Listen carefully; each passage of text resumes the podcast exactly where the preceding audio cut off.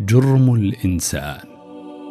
هذا المخلوق الذي تشع من خلاله أضواء العالم. في عينيه في شكله في تكوينه في عقله.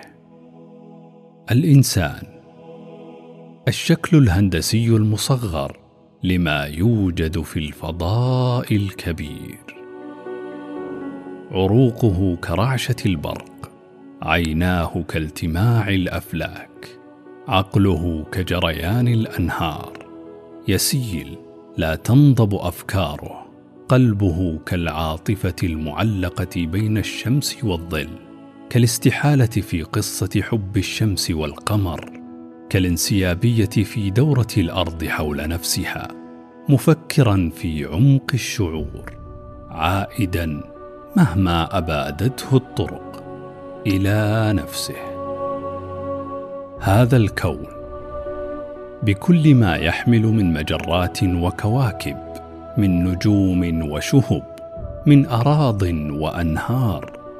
كل تلك المساحات الشاسعة تهتدي وتعود له.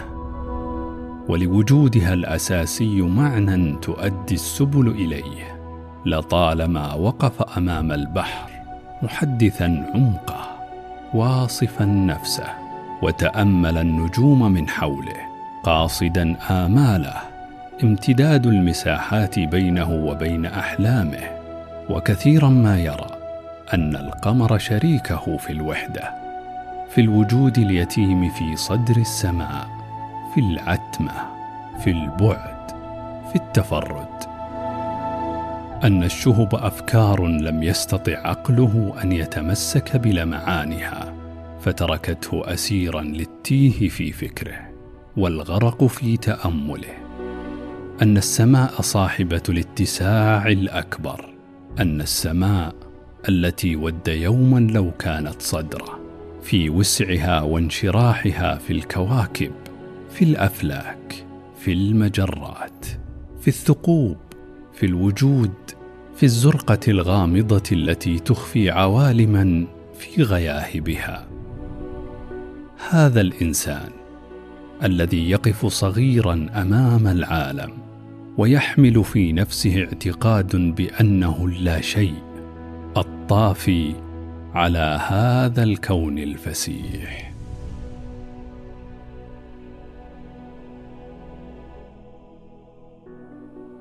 دواؤك فيك وما تبصر وداؤك منك وما تشعر. أتزعم أنك جرم صغير وفيك انطوى العالم الأكبر. فأنت الكتاب المبين الذي بأحرفه يظهر المضمر. وما حاجة لك من خارج وفكرك فيك وما تصدر.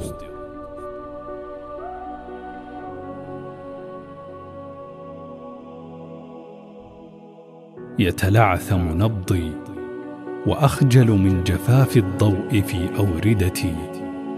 تحطم توهج الدرب وماتت على ضفاف خطاي لوعة الحلم. ما بيني وبين النسمة جبال من الاختناق وأشجار موت سامقة وينابيع سعير.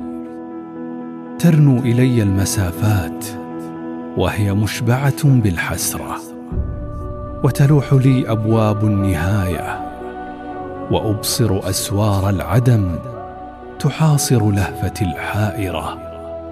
أين يتجه العمر بي؟